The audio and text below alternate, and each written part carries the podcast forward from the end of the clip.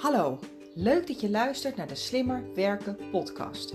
Ben je altijd razend druk en word je op veel dagen geleefd door de waan van de dag?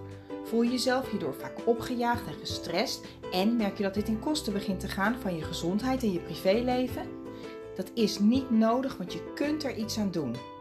Mijn naam is Jennifer Boskeljon en met Werk Slimmer Niet Harder is het mijn missie om jou te helpen met het creëren van meer overzicht, controle en balans in je werk en je leven. In deze podcast deel ik slimme tips en inspiratie met jou, zodat ook jij kunt werken en leven met minder stress en meer plezier. En je uiteindelijk meer tijd en energie hebt voor dat waar je echt blij en gelukkig van wordt. Luister je mee? Ik heb er zin in. Hallo lieve luisteraar, welkom bij weer een nieuwe aflevering van de Slimmer Werken podcast.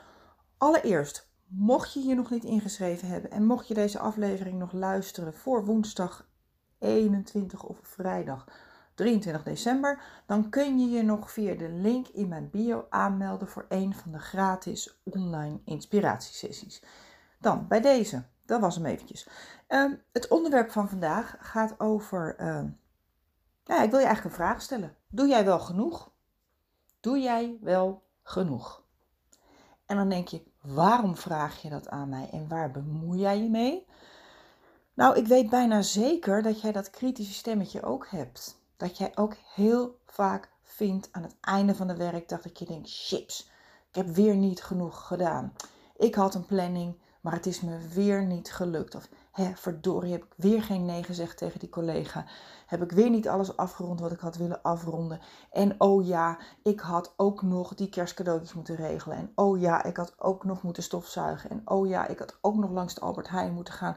Alvast voor die vroege kerstboodschappen. Doe jij wel genoeg? En de kans is heel groot dat jij zelf in ieder geval vindt dat dat in heel veel gevallen, op heel veel momenten en in heel veel situaties niet zo is. En daar wil ik het met je over hebben, want dat stemmetje, dat heb ik ook. Ehm, ik heb van die periodes in mijn werk en in mijn leven dat ik heel productief ben. Dat ik echt als een knaller ga. Dat ik kan focussen, concentreren.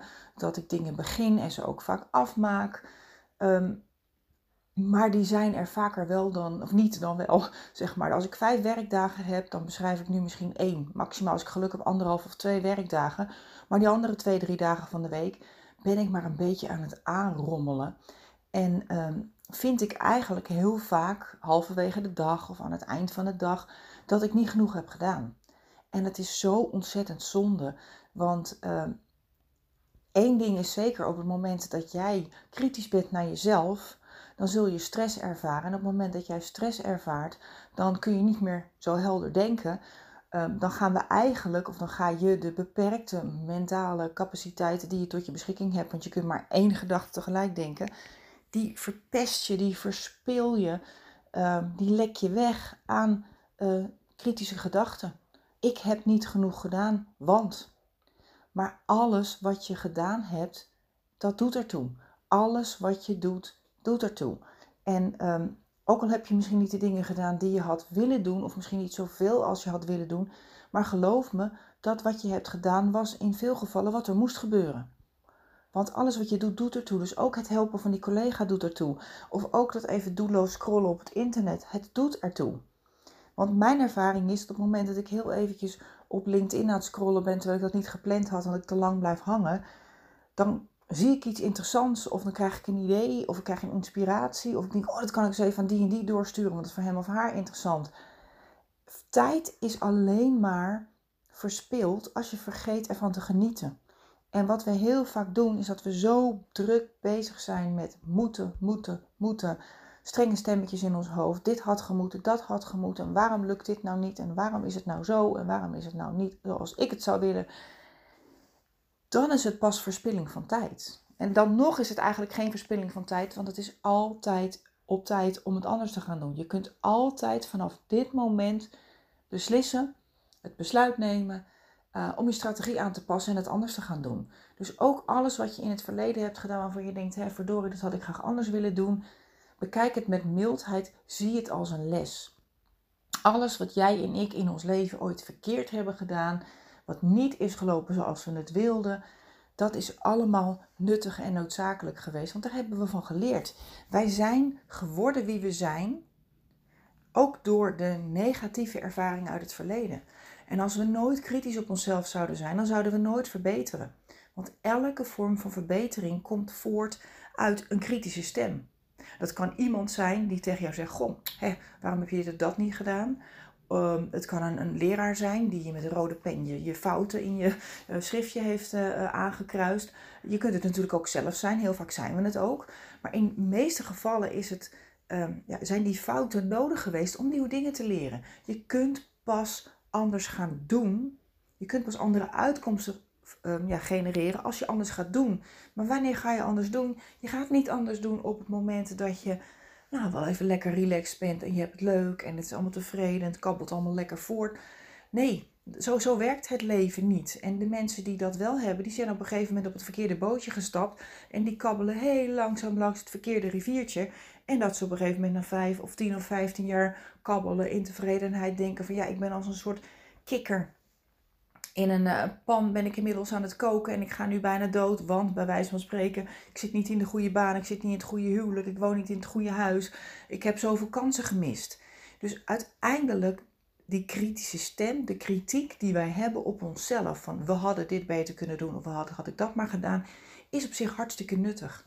In het leven, kijk, op het moment dat wij um, nooit eens kritisch waren geweest in het verleden, niet alleen jij, maar ook de mensheid in het algemeen, dan had ik nu niet mijn podcast op deze uh, simpele manier staande in mijn eigen kantoortje op mijn mobiele telefoontje opgenomen. Dan had ik niet een laptop met twee en, en een extra scherm tot mijn beschikking gehad.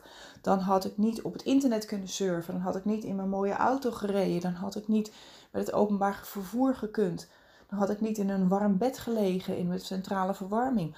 Alles is uiteindelijk het gevolg van mensen die ooit hebben bedacht: Gadverdamme, waarom gaat dit nou zo? Kan dat nou niet anders?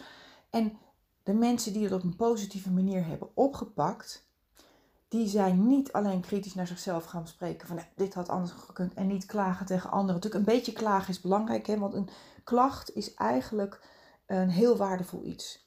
Een, een klacht is altijd hetgene wat ervoor zorgt Dat betekent dat er een moment is waarop jij en ik iets zo vervelend en zo irritant vinden, iets zo oncomfortabel vinden, dat we er wat aan willen doen. Dat we in ieder geval bereid zijn om er energie aan te geven. En op het moment dat je het uitspreekt, dan mag je best even over klagen een paar minuten, misschien een paar dagen. Maar dan is de vraag altijd: oké, wat wil je wel en wat kan je wel? Dus ook op het moment dat jij iets hebt ervaren wat je heel vervelend vindt en wat en ook is het misschien helemaal je eigen schuld, heb je veel te lang alles uitgesteld, heb je weer uh, continu ja gezegd waar je eigenlijk nee had moeten zeggen, heb je weer je mailbox niet opgeruimd, heb je weer niet aan je planning gehouden, ben je weer uren aan het surfen geweest, maakt niet uit. Maak van die klacht een kracht door te kijken, oké, maar wat wil ik wel? Maar stop in ieder geval met kritisch naar jezelf kijken, of in ieder geval niet te overmatig kritisch dan. Hè. Stop met klagen. Stop met jezelf uh, continu schuldig voelen of jezelf beschuldigen. Ga het gewoon vanaf nu anders doen. Um, het motto van deze aflevering is: Doe jij wel genoeg?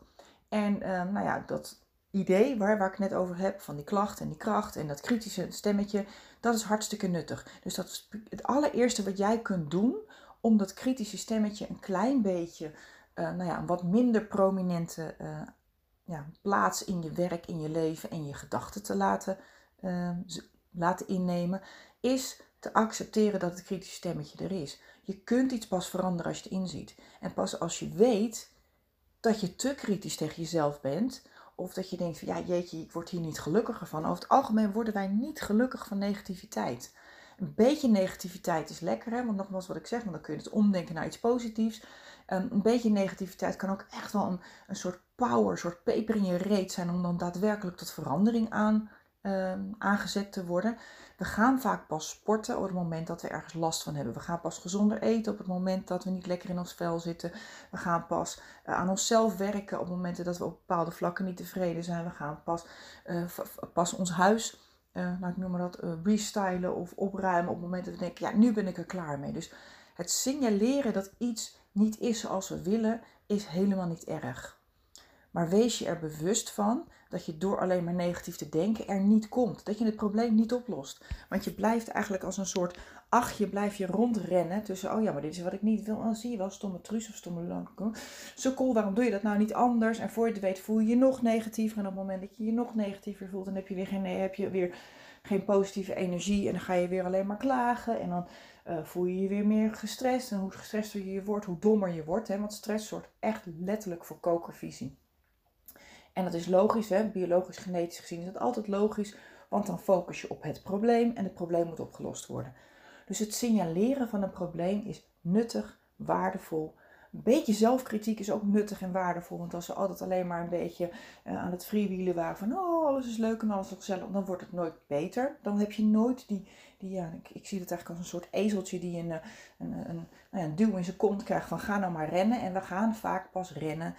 We komen eigenlijk vaak pas in beweging als we ergens last van hebben. Tegelijkertijd, dat ergens van wegrennen, dat hou je niet lang vol als we alleen maar alles doen om dingen te voorkomen, daar worden we ook niet gelukkig van. Want dan word je gedreven door angst. Dan word je gedreven door boosheid, frustratie en angst. Dat zijn eigenlijk de negatieve emoties die wel heel nuttig zijn om te weten wat je wel wil, maar waar je uiteindelijk op de lange termijn ook niet gelukkiger van wordt. Want dan ben je alleen maar aan het wegrennen, aan het wegrennen. Maar het mooiste is als je even in beweging komt door ergens van weg te rennen, maar ook een stip op de horizon hebt. Waar wil je dan naartoe? Je rent misschien in eerste instantie ergens van weg, maar in het meest ideale geval ren je ook ergens naartoe. En je kunt dingen pas veranderen als je het inziet, wat ik net aangaf. Dus kijk kritisch naar die kritische stem die je hebt. Als jij aan het eind van de dag of halverwege de dag denkt: shit, ik heb me weer niet aan mijn planning gehouden, of het is me weer niet gelukt om te doen wat ik eigenlijk had willen doen. Ik doe niet genoeg, ik doe nooit genoeg. Luister naar dat stemmetje denk ook van oké, wat wil deze stem mij zeggen? Waarom is het positief? En omarm dat dan ook. Want het is je drive, het is je motivatie en eigenlijk alles, alle negatieve stemmetjes die we hebben, alle, uh, ja, alle valkuilen in ons karakter, alle, alle negativiteit, alle valkuilen en negatieve patronen in ons denken, zijn allemaal het gevolg van iets positiefs. In de basis is het heel positief dat je wil scoren, of dat je wil produceren, of dat je mensen wil pleasen, dat je aardig wil zijn. Dat is in de basis allemaal hartstikke positief. Alleen de vraag is, wanneer ben je meer gedreven door kritiek en angst?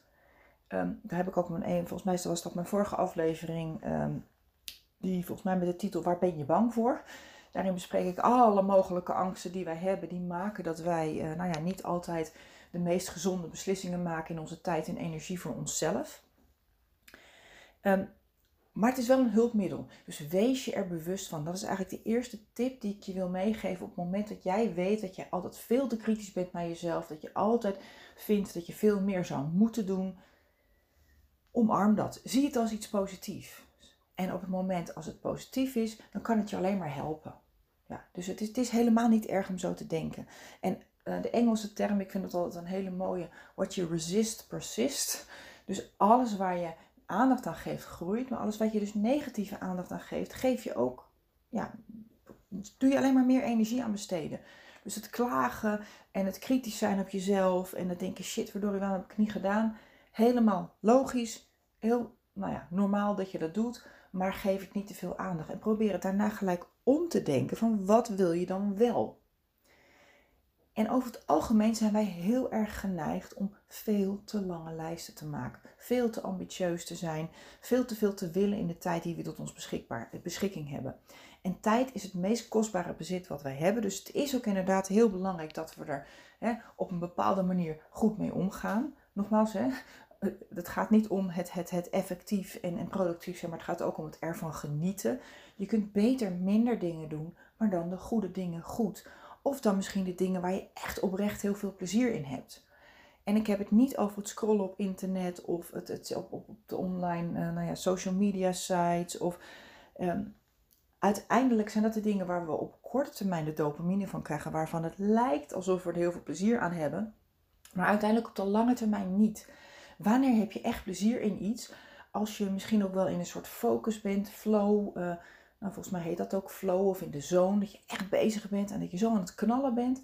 Zoals op dit moment ben ik nu deze aflevering aan het opnemen. En ehm, ik kijk niet naar de tijd. Ik ben eigenlijk lost in het universum van tijd. En ik, ik denk niet na over tijd. Daarom duren mijn afleveringen ook altijd langer dan dat ik gepland heb van tevoren. Omdat ik dan in een soort zone ben dat ik maar blijf praten, blijf praten. En dan krijg ik weer inspiratie en dan heb ik weer een idee. En, dan... en voor het weet duren ze weer een half uur, 40 minuten. Ehm, dus zo gaat het eigenlijk met alles. Als je iets doet wat je super leuk vindt, dat zijn vaak ook de dingen waar je goed in bent. Dat betekent niet dat je het alleen maar mag doen als je er goed in bent. Hè. Doe ook vooral uh, iets waar je niet goed in bent, maar wat je wel leuk vindt om te doen. Want over het algemeen, dat wat je leuk vindt, daar zul je tijd en energie aan besteden. Daar zul je uiteindelijk dus ook vanzelf beter in worden. En natuurlijk zijn er mensen die op sommige dingen echt een natuurtalent zijn. En voor andere dingen moet je misschien wat harder vechten of wat, wat meer oefenen. Maar tegelijkertijd het allerbelangrijkste is misschien wel dat jij het leuk vindt wat je doet. En dat voelt echt met name, ja, als jij net als ik dus iemand bent die redelijk kritisch is.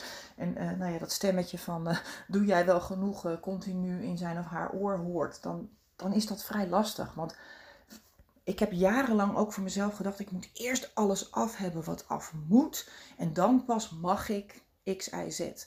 Maar ik ben er inmiddels van overtuigd dat dingen doen die je leuk vindt, jezelf dingen gunnen die je leuk vindt, maar ook pauze houden, is vaak het allermeeste effectief en productieve wat je maar kunt doen. Leef het liefst als een sprinter en niet als een marathonloper. Dus doe een sprint van iets wat je super leuk vindt om te doen. Zoals nu knal ik ook echt met 100%, meer dan 100% kan ook niet, maar ik knal nu ook met 100% deze aflevering in. En als ik klaar ben, ben ik klaar. En dan ga ik inderdaad even freewheelen. En dan kan ik mezelf best eventjes, uh, nou ja, een kopje koffie of een uh, vijf minuten scrollen op Instagram. mezelf daarmee belonen voor die dopamine. Hartstikke lekker. Maar eigenlijk op de lange termijn worden we vooral gezond, gelukkig, succesvol. Hè? Hebben we in ieder geval vooral, nou, zijn we in ieder geval vooral gebaat. En niet alleen wij, hè, maar ook de mensen in onze omgeving. Want hoe beter het met jou gaat, hoe vaker je doet wat je leuk vindt, hoe meer toegevoegde waarde je kunt leveren voor de mensen om je heen. Um, het is voor iedereen beter als jij goed voor jezelf zorgt. En met name in allereerste instantie voor jou. Het is niet egoïstisch om egoïstisch te zijn. Daar is ook, heb ik ook al een paar weken geleden een aflevering over opgenomen. Het is super belangrijk dat jij goed voor jezelf zorgt. En dat je dus ook doet wat je leuk vindt. Dus als je kritisch bent naar jezelf, onderzoek dat. Hè. Kijk even waar het vandaan komt en of je ergens bang voor bent en of je misschien ergens vandaan rent of naartoe rent. Um, en, en kijk eventjes naar de dingen die je echt moet doen. Stel de juiste prioriteiten. Natuurlijk, we hebben allemaal dingen die we moeten doen. Ik moet voor het einde van het jaar mijn administratie en mijn belasting inleveren. Nou, het moet ook niet, zo een keuze trouwens. Maar uh, als ik met een klant heb afgesproken van coaching of een training, dan moet ik daar tussen haakjes heen, want ik heb dat commitment gemaakt. Maar eigenlijk de meeste dingen die we doen, kunnen of best even wachten, of zijn niet het allerbelangrijkste. Dus kijk altijd even kritisch als je een lijstje maakt. Wees realistisch. Maak hem niet te lang. Zorg in ieder geval dat je je prioriteiten helder hebt. Dus als jij 10 dingen in je planning opneemt, schrap er dan minimaal of, of, of, zet bij wijze van spreken een, een, kruisje achter 1, 2 en 3. Dat is dan je top 3 voor vandaag. Ga daarmee beginnen. En al het andere wat je doet is meegenomen. En dat klinkt, ja, oh, het is wat weinig ambitieus. En dat, nee, dat betekent niet dat je minder dingen doet. Maar dat betekent dat je meer genegen bent om de goede dingen te doen. Het betekent dat je als je die drie dingen hebt afgevinkt, dat je je aan het eind van de dag hartstikke goed voelt. Want je hebt namelijk niet alleen die drie dingen gedaan. Je hebt natuurlijk ook nog vijf of zes of zeven of acht of tien andere dingen gedaan. Wat ook super goed werkt, is als je de neiging hebt om te streng te zijn tegen jezelf en eh, te lange lijstjes te maken. Maak in eerste instantie natuurlijk dat kortere lijstje, die top 3 of die top 5. En Kijk of je aan het eind van de dag een tada-lijstje kunt maken. Dat doe ik ook wel eens. Op het moment dat ik zo'n dag heb, dat ik denk, ja, ik weet het niet hoor. Ik, ik, heb niet zo'n goed gevoel over wat ik allemaal heb gedaan. Dan kijk ik in mijn agenda, dan kijk ik in mijn planning, kijk ik naar mijn mail en dan denk ik, oh, ja, ik heb misschien die twee dingen niet gedaan, maar ik heb dat en dat en dat wel gedaan. En dat zet ik dan nog eventjes op mijn lijstje of soms met terugwerkende kracht nog even in mijn agenda. En het klinkt heel kinderachtig en ik neem mezelf daar natuurlijk een soort van mentaal mee in de maling. Maar het werkt ik voel me aan het eind van de dag stuk tevredener. Ehm, ik voel me. Ik ben veel trotser op mezelf. Ik denk, nou kijk, kijk, misschien dat ene rottige telefoontje waar ik tegenop zit, heb ik niet gedaan. Maar ik heb wel mijn podcast opgenomen wat ik niet had gepland. Of ik heb wel nog een half uur met die klant aan de andere klant die mij belde aan de lijn gezeten. Dus kijk of je kortere lijstjes kunt maken. En als je gaat plannen, want daar ben ik ook zelf een ontzettend grote fan van. Um, zorg dat je niet te veel plant. Maximaal, nou ik noem maar wat, van je tijd inplannen. En ik kan me voorstellen dat als je veel vergaderingen hebt, dat dat een uitdaging wordt. Want sowieso, misschien zit je al in 50% vol met, uh, um, uh, met vergaderingen. Wees daar dus ook kritisch op. Hè? Want vergaderingen, dat zijn echt, in meeste organisaties waar ik kom, zijn e-mail en vergaderingen zijn de twee grootste tijdvreters die er zijn. Dus wees daar altijd kritisch op. Want als je echt je tijd goed wil gebruiken, dan kun je mij niet vertellen dat je efficiënt en effectief bent als je van de acht uur dat je op kantoor bent er zes of zeven aan het vergaderen bent. Kan niet. Is gewoon onmogelijk. Want een vergadering is namelijk een overleg als een soort sprint, een soort tussenhub tussen de sprints om het werk te kunnen doen. En je kan best eens een keer een dag hebben dat je vijf, zes uur achter elkaar vergadert. Maar dan moet je de dag daarna of in de, de rest van de week in ieder geval ruimte hebben om alles uit te werken wat je met elkaar hebt besproken in een vergadering. En het kom ook heel vaak tegen dat mensen van de ene naar de andere vergadering hollen. Waardoor ze geen tijd hebben om de dingen te doen die ze met elkaar in de vergadering hebben afgesproken. Maar ook de vergadering waar ze in zitten niet goed hebben voorbereid. En een, een, nuttige een bijeenkomst is eigenlijk pas nuttig als je hem goed hebt voorbereid. Daarom vraag ik mijn klanten ook altijd, of de deelnemers aan mijn trainingen, die krijgen altijd een aantal voorbereidende vragen. Want ze kunnen daar wel gaan zitten van, ja, ik laat me verrassen. Ja, natuurlijk levert het je heus wel wat op, maar het levert je echt vele malen meer op. Dus de return of investment is vele malen hoger op het moment als jij van tevoren weet wat je wil bereiken. Waarom doe je mee aan de training? Überhaupt ben je, vrij, ben je er vrijwillig? Dan zie je mensen als, kijk, hoezo vrijwillig? Ja, ik wil alleen maar werken met mensen die er vrijwillig zijn en die zich realiseren dat tijd het meest kostbare bezit is wat we hebben. En de keuze hoe jij jouw tijd besteedt is aan jou. Niemand dwingt jou om deze podcast te luisteren. Niemand dwingt jou om een van mijn trainingen bij te wonen of om online zelfstudie uh, te, te, te, bekijken en aan te kopen of in een van mijn webinars deel te nemen. Niemand dwingt jou. Je bent er vrijwillig of je bent er niet. En, um, en dat geldt eigenlijk voor alles. Op het moment dat jij aan het werk bent, realiseer je dat je altijd een keuze hebt. Je hebt altijd een keuze. Je bent nergens een slachtoffer van. En dat helpt je ook bij het stellen van de juiste prioriteiten. Dus op het moment dat jij je planning maakt, hou hem realistisch, prop hem niet te vol. Hou ruimte voor creativiteit, ingevingen, uh, dingen die je niet had kunnen voorzien. Want het leven is echt wat er gebeurt als je andere plannen maakt. Dus als jij acht uur aan het werk bent, dan uh, heb je er misschien maximaal vier een vergadering. Hè, als je het een beetje slim doet. En die andere vier uur kun je nog één of twee andere klusjes noteren. Maar ook daaromheen, je moet altijd minimaal 20, 30, 40 procent, nou ja, 20, 30 procent afhankelijk van je werk vasthouden voor flexibiliteit. Want je weet nooit van tevoren hoe makkelijk iets gaat. Je weet nooit wie er van tevoren aan je bureau staat. Je weet nooit wat er gebeurt. Misschien heb je zelf wel ineens een brainwave dat je denkt, oh, kan dat wel even doen en is dat op dat moment veel nuttiger. Dus hou ook altijd flexibiliteit erin. En als je dan aan het eind van de dag constateert, ja, chips, ik heb niet genoeg gedaan tussen haakjes, want ik heb niet gedaan wat ik eigenlijk had willen doen. Jammer dan. Maak een tada-lijstje. Wees trots op wat je wel hebt gedaan. Maak een dansje door de kamer. Yes! Ik heb misschien niet dat ene gedaan, maar ik heb drie, vier, vijf andere dingen die ik niet had kunnen voorzien, maar die ook hebben moeten gebeuren, heb ik wel gedaan. Mocht je nou constateren aan het eind van de dag dat uh, de dingen die je had moeten doen, die, dat je die niet hebt gedaan en de dingen die je eigenlijk niet had willen doen, wel hebt gedaan, dan is het echt tijd voor een andere strategie, voor een andere manier van denken, een andere manier van doen. Alles wat ons overkomt is een feit, is een neutraal feit. Je, je hebt daar zelf de hand in gehad. 80, eh, 90 procent van wat ons overkomt creëren we zelf door de bewuste en onbewuste keuzes die we in het verleden hebben gemaakt. Of de conflicten die we vermijden. Nou, daar gaat mijn vorige aflevering over uh, angsten. Wij creëren heel veel van onze werkdruk zelf door de dingen die we wel doen of de dingen die we niet doen. De keuzes die we wel maken of de keuzes die we onbewust misschien niet maken. Uh, niet kiezen is trouwens ook een keuze. Um, en als je merkt dat je structureel bezig bent met dingen die je niet had gepland, met dingen die je niet had kunnen voorzien, dan is het dus tijd, want dat is een neutraal feit, hè, om, om jouw gedachten te beïnvloeden en dus je strategie te beïnvloeden. Het idee is, jij hebt de, iets wat gebeurt is een neutraal feit, daar heb je een gedachte over. Bijvoorbeeld, het regent, het zou niet mogen regenen. Of um, ik heb rugpijn, ik zou geen rugpijn mogen hebben. Of die collega die staat altijd aan mijn bureau, dat zou niet zo mogen zijn. Of ik heb 80% van de dag vergaderingen. shit, waarom is er, heb ik zoveel vergaderingen? Daar heb je, dat is een feit en daar heb je een gedachte over. Die gedachte geeft een emotie, een negatieve of een positieve emotie. En op basis van die emotie ga je handelen. En op basis van die handeling ga je uitkomsten genereren. Dus als jij constateert dat jouw dag er niet uitziet zoals jij zou willen, en dat je dus aan het eind van de dag het gevoel hebt dat je niet genoeg hebt gedaan, dan moet je echt kritisch gaan kijken, of mis dat moet niet, dan mag je kritisch gaan kijken naar de manier waarop je je tijd wel besteedt.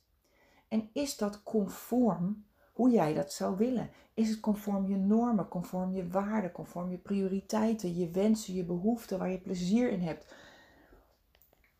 Kijk daarnaar. En als blijkt dat jij 40, 50 procent van de tijd bezig bent met het blussen van andermans brandjes, dan zul je een andere strategie moeten gaan toepassen. Dan zal je dus moeten gaan evalueren, mogen gaan evalueren van oké, hoe komt het nou dat ik altijd andermans brandjes aan het blussen ben? Waarschijnlijk staat er brandweerman op je voorhoofd. Waarschijnlijk heb je een uitstraling van kom maar, kom maar, kom maar, ik help je wel, ik help je wel.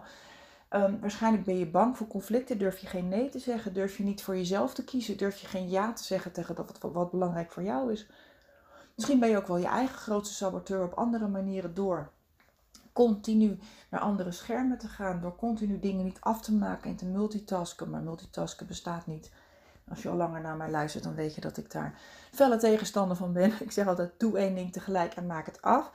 Ehm, het enige wat je namelijk doet is switch task. En elke keer als je weer met iets nieuws begint, dan denk je van, oh, waar was ik ook alweer? Dus dan ben je weer vijf of tien minuten ben je weer kwijt. Dat is dus echt tijdlekken. Dus doe één ding tegelijk en maak het af. En als je dat van jezelf constateert, dan weet je dus dat je een andere strategie mag gaan toepassen. Dan weet je dus dat je bijvoorbeeld uh, elke ochtend één of twee uur even je telefoon moet uitschakelen. Of even tegen je collega's op de afdeling roept. Of als je online aan het werk bent, dat je jezelf in Teams even um, op bezet zet. En dan misschien aan één of twee collega's zeggen van... joh, jullie kunnen me bellen als er wat is, maar ik ben nu eventjes uh, officieel niet te bereiken. En dan weet je wel dat er een filter tussen zit. Dat mensen niet meer elke poep en scheet aan je bureau staan. Um, als je weet dat je standaard je planning niet haalt, um, dan kan het ook zijn dat je zelf gewoon te ambitieus bent. Dus dan kun je die strategie toepassen die ik net aangaf. Dat je in plaats van tien dingen op je lijstje zet, zet je er bijvoorbeeld drie, vier of vijf. En als je dan aan het eind van de dag, het eind van je lijstje nog een beetje dag over hebt, dat je dan nog een paar dingen extra kunt doen. Maar dat voelt zo anders. Als jij vijf dingen plant of als je tien dingen plant en je doet er zeven of acht, dan denk je shit, die twee, drie dingen die ik niet heb gedaan. Wat ben ik nou voor een truus of een sukkel dat ik dat niet heb gedaan. En op het moment dat jij vijf dingen op je lijstje hebt gezet en je doet er zes, zeven, acht, negen of tien, dan denk je, oh lekker, ik heb gedaan wat ik met mezelf heb afgesproken. Maar ik heb ook nog meer gedaan. Het is allemaal een mindgame. En dat kan heel kinderachtig klinken. Maar wij zijn als mens niks anders dan uh, die kleine kleuter die je af en toe gewoon eens eventjes in de maling moet nemen. Ik, uh, en uiteindelijk, hoe, hoe, hoe, meer jij jezelf tussen haakjes en de maling neemt op een positieve manier, hoe lekkerder jij in je vel zit, hoe productiever, geconcentreerder, meer gefocust jij kunt werken. Ik kreeg net even een, een beeld. Mijn, mijn jongste en mijn oudste dochter die schelen 2,5 jaar. En toen de oudste zes was of zo, was de jongste drie. En dan gingen ze samen spelletjes spelen, maar er kon maar één persoon tegelijk spelen. En dan hadden ze twee consoles, hadden ze normaal. Ik, ik weet niet, dat was zo'n oude PlayStation die we hadden. En dan deed uh, de jongste gewoon haar uh, console aan, aan uh, de oudste deed, die van haar aanzetten en die van de zus niet. En die zus die, zat, die stond met de drie maar jaar maar op dat ding te klikken en te doen. Die dacht dat ze helemaal goed aan het spelen was, maar ze deed helemaal niks. De oudste die deed alles. Dus ik, ik kreeg, die, ik kreeg dat, dat visioen even, dat was hartstikke leuk. Maar we moeten onszelf dus ook soms even in de maling nemen, alsof we ons eigen broertje of zusje zijn. Neem jezelf af en toe in de maling. Dat is helemaal niet erg. En, um, en creëer ook overzicht. Dus zorg ervoor dat je overzicht hebt over alles wat je wil en moet doen. Je kunt planning maken, hou je mailbox bij, maak een lijstje, wat ook maar iets is wat jij fijn vindt, maar je kunt pas de juiste keuzes maken ten aanzien van je tijd. Je kunt pas de juiste prioriteiten stellen als je weet wat je allemaal te doen hebt. Dus zorg dat je echt tijd maakt voor het aanbrengen van structuur. Wat ik bijvoorbeeld doe is één of twee keer per dag. Ik maak ochtends een planning. Of eigenlijk, dat, dat is niet helemaal waar. Ik heb mijn planning redelijk doorgepland. Als ik bijvoorbeeld nu weet dat ik volgende week een training geef. Op het moment dat ik de afspraak maak met mijn opdrachtgever, dan plan ik alvast mijn reistijd, mijn voorbereidingstijd, mijn nawerk in mijn agenda. Ik plan ook al een week van tevoren, anderhalve week van tevoren, dat ik de deelnemers de voorbereidende vragen stuur. Kleine moeite. Dat kost misschien twee minuten extra, maar op dat moment kan ik het ook helemaal loslaten. En wat ik ook doe is, ehm, ik maak elke dag een planning voor de volgende dag. Wat wil ik in grote lijnen doen? Wil ik mijn podcast opnemen? Wil ik een post op LinkedIn zetten? Wil ik um, een, voor, nou ja, contact met een klant hebben? Wil ik offerte uitwerken, een training voorbereiden? En dat zet ik in grote lijnen, in grote blokken in mijn agenda. Maar wat ik net ook al aangaf, wel ruim. Ruim en flexibel, zodat ik 20, 30 procent flexibiliteit heb om... Nou, ik krijg ook wel eens een keer een telefoontje of ik heb ook wel eens een keer een off-day dat het allemaal niet zo snel gaat. Ehm, en met die tijd die ik over heb, doe ik andere dingen. En aan het eind van de dag, als ik dan denk, ja, jeetje verdorie, ik heb eigenlijk, eigenlijk het gevoel dat ik niet genoeg heb gedaan. Dan kan ik, dan kan ik altijd nog als laatste redmiddel zo'n tada-lijstje maken. Door bijvoorbeeld een lijstje te maken met de dingen waar, die ik wel heb gedaan, maar die ik niet gepland had. Want nogmaals, hè, alles wat je doet, doet ertoe. Ook even die collega te woord staan. Ook even je kind tussendoor uh, ophalen of wegbrengen naar het station. Dat zeg ik even vanuit eigen ervaring gisteren. Want mijn uh, jongste dochter die belde dat ze ergens iets voor nodig had voor school. Toen moest ze heen en weer naar huis om het op te halen. En toen zei ik, weet je wat, pak jij de trein uit Leiden naar Hoofddorp. Dan rij ik wel naar het station in Hoofddorp. Dan hoef je tenminste niet nog helemaal naar huis te komen. Dus maar, maakt niet uit. Heel veel van die dingen en daar kies ik dan voor. Ik kies op dat moment bewust om haar te helpen. Niet omdat ik vind dat ik het moet doen. En niet omdat ik geen goede moeder ben als ik het niet doe. Maar wel omdat ik het graag wil doen. En dat was voorheen natuurlijk wel anders. Maar kies ook het is helemaal niet erg om andere mensen te helpen. Het is helemaal niet erg om van je planning af te wijken. Dat is helemaal niet erg. Zolang je het maar bewust doet. Zolang je het maar incidenteel doet. Dat je denkt, oké, ik kies er nu voor. Ik zeg altijd stoppen, kijken, kiezen voordat je reageert. Ik kies er nu bewust voor om mijn planning enigszins aan te passen. Um, en dan ga ik dat nieuwe doen. Dat wat ik niet had gepland, maar dat omarm ik ook. En dat, accepteer ik ook. Dan ga ik niet ah shit, verdorie, waarom gebeurt mij dit nou? Nee, dat is zonde van mijn tijd en energie. Ik heb ervoor gekozen om mijn planning aan te passen. En dan ga ik dat ook doen. Dus op het moment dat iemand jou stoort en jij kiest ervoor of stoort, dat, je, dat iemand jou iets vraagt om te doen of de dingen lopen anders, accepteer dan ook dat het anders loopt. Want wat ons ook ontzettend veel tijd en energie kost en frustratie oplevert en zonde is van je humeur, humeur dan staat die collega aan je bureau, dan ga je hem helpen en dan denk je, potverdorie, dat. En dan ben je de hele tijd zagrijnig. Zonde. Kiezen, stoppen, kijken, kiezen, accepteer de keuze die je maakt. En als je dan ervoor kiest om die persoon te helpen, kies er dan voor om die persoon te helpen omdat je dat wil en niet omdat je vindt dat het moet. Als je wel het gevoel hebt van ik vind dat het moet, dat is weer een heel ander verhaal. Dat betekent dat, dat je misschien uh, of op de verkeerde plek zit met de verkeerde mensen, verkeerde afdeling, verkeerde functie.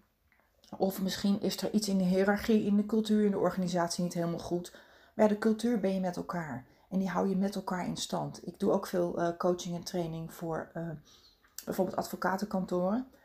En bij advocatenkantoren, daar heb je behoorlijke hiërarchie. En dan zeg ik ook altijd van, joh, is je can't stand the heat, stay out of the kitchen. Als jij uh, die cultuur met elkaar in stand houdt, dan kies je daarvoor. Of je, of je zorgt dat je hè, een soort uh, in, in, in domino effect dat je het steentje ertussen uithaalt, dat het dan stopt bij jou. Dat jij gewoon zegt van joh, in deze cultuur, wat, kun, wat kan ik doen om ervoor te zorgen dat, dat we met elkaar deze cultuur veranderen? Als het nou echt zo'n gefixte cultuur is waar je helemaal niks aan kan veranderen, dan pas je niet bij die organisatie. Ik denk zo, nou, misschien zes of zeven op de klanten die ik heb. Nou, is misschien een beetje overdreven, want ik heb best wel leuke klanten. Maar zeg maar drie op de tien klanten die ik heb werken in een cultuur waar ik niet zou willen werken. Nou wil ik sowieso geen enkele cultuur werken, want ik wil graag zelfstandig blijven. Maar ondanks dat, er zijn wel eens bedrijven waar je binnenkomt, heel vaak denk je, oh, wat leuk, wat gezellig hier, wat voelt, wat voelt het hier goed. En je hebt organisaties waar je binnenkomt en je denkt, nou jeetje, dat die mensen het hier volhouden. Nou ja, en, en uiteindelijk is dat bij jou ook op het moment dat jij ergens werkt. Ik ben dan natuurlijk tijdelijk en ik kan weer weg als ik weg wil gaan. Maar jij bent, ook jij kunt weg wanneer je weg wil gaan. Alleen misschien niet binnen nu en een week, maar zorg ervoor dat als jij het gevoel hebt dat je niet lekker in je vel zit of dat jij om wat voor reden dan ook niet past bij de organisatie, bij de cultuur, dat het je energie kost, dat je aan het eind van de dag moe bent. Ehm, kijk dan of je een andere strategie kunt toepassen. Of ga veranderen waar we het afgelopen half uur over gehad hebben. Ga je strategie veranderen, ga je mindset veranderen. En als je niet, want dat is ook zo, want op het moment dat je anders gaat denken, ga je andere uitkomsten genereren. Want als je anders gaat denken, ga je anders doen, ga je andere uitkomsten genereren. Want als jij niet verandert, verandert er niets. Dus jij zult mogen, zult mogen veranderen. En dan of zul je zien dat de omgeving om je heen verandert. Dat mensen je, niet, dat mensen je meer gaan waarderen. Dat mensen meer respect voor je hebben. Ehm, dat, uh, nou ja, ik noem maar wat. Dat andere, en, maar je gaat jezelf ook anders voelen. En op het moment dat jij je anders gaat voelen, denk je wel misschien op een gegeven moment van ja, eh, ik ben veel te goed, ik pas hier helemaal niet. Of ik pas bij een andere organisatie veel beter. Oké, nou, ik, eh, ik ga hem afronden. Dus de, de, de hoofdvraag van vandaag was: Doe jij wel genoeg? Nou, je doet altijd genoeg. Het antwoord is ja. Je doet altijd genoeg en alles wat je doet, doet ertoe. En als je merkt dat dat lastig is voor jou, omdat je heel streng bent voor jezelf. Hè, nogmaals, ik ben, ben, er zelf ook heel goed in. Um, kijk of je in ieder geval die kritische gedachten kunt, kunt, kunt challengen. van oké, waarom ben ik zo streng voor mezelf? En is dat realistisch, ja of nee? Kijk of je ook daadwerkelijk realistischer kunt gaan plannen.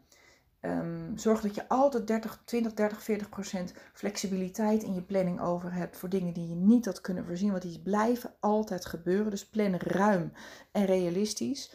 Um, wees ook niet te streng voor jezelf. Je bent geen superman, superwoman.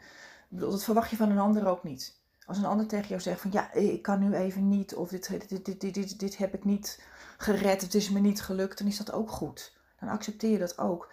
Um, dat is nog een laatste die ik je wil meegeven. Manage ook altijd de verwachtingen. Want we stellen mensen pas teleur op het moment dat we te veel hebben beloofd. Of dat we onrealistische verwachtingen hebben ja, ja, laten doorschemeren. Dat geldt voor onszelf ook. Waarschijnlijk ben je ontevreden aan het eind van de dag omdat je gewoon niet realistisch bent.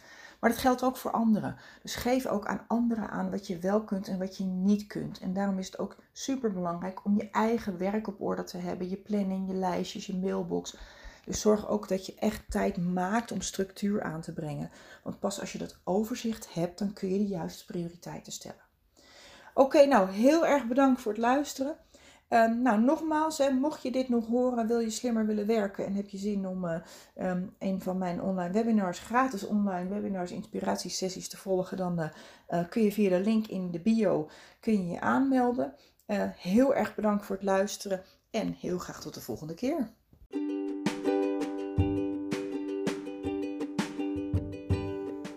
Bedankt dat je hebt geluisterd naar de Slimmer Werken podcast. Ik vertrouw erop dat je ook deze keer weer nieuwe ideeën en inspiratie hebt opgedaan. Met Werk Slimmer Niet Harder wil ik zoveel mogelijk mensen inspireren om slimmer te werken met betere resultaten en meer plezier. Ik nodig je dan ook uit om deze podcast te delen met iedereen die je dit ook gunt. Verder zou ik het heel leuk vinden om van jou te horen wat deze aflevering je heeft opgeleverd en natuurlijk wat je ermee gaat doen. Stuur me dan een bericht of tag me op social media. En wil je nog meer tips en inspiratie?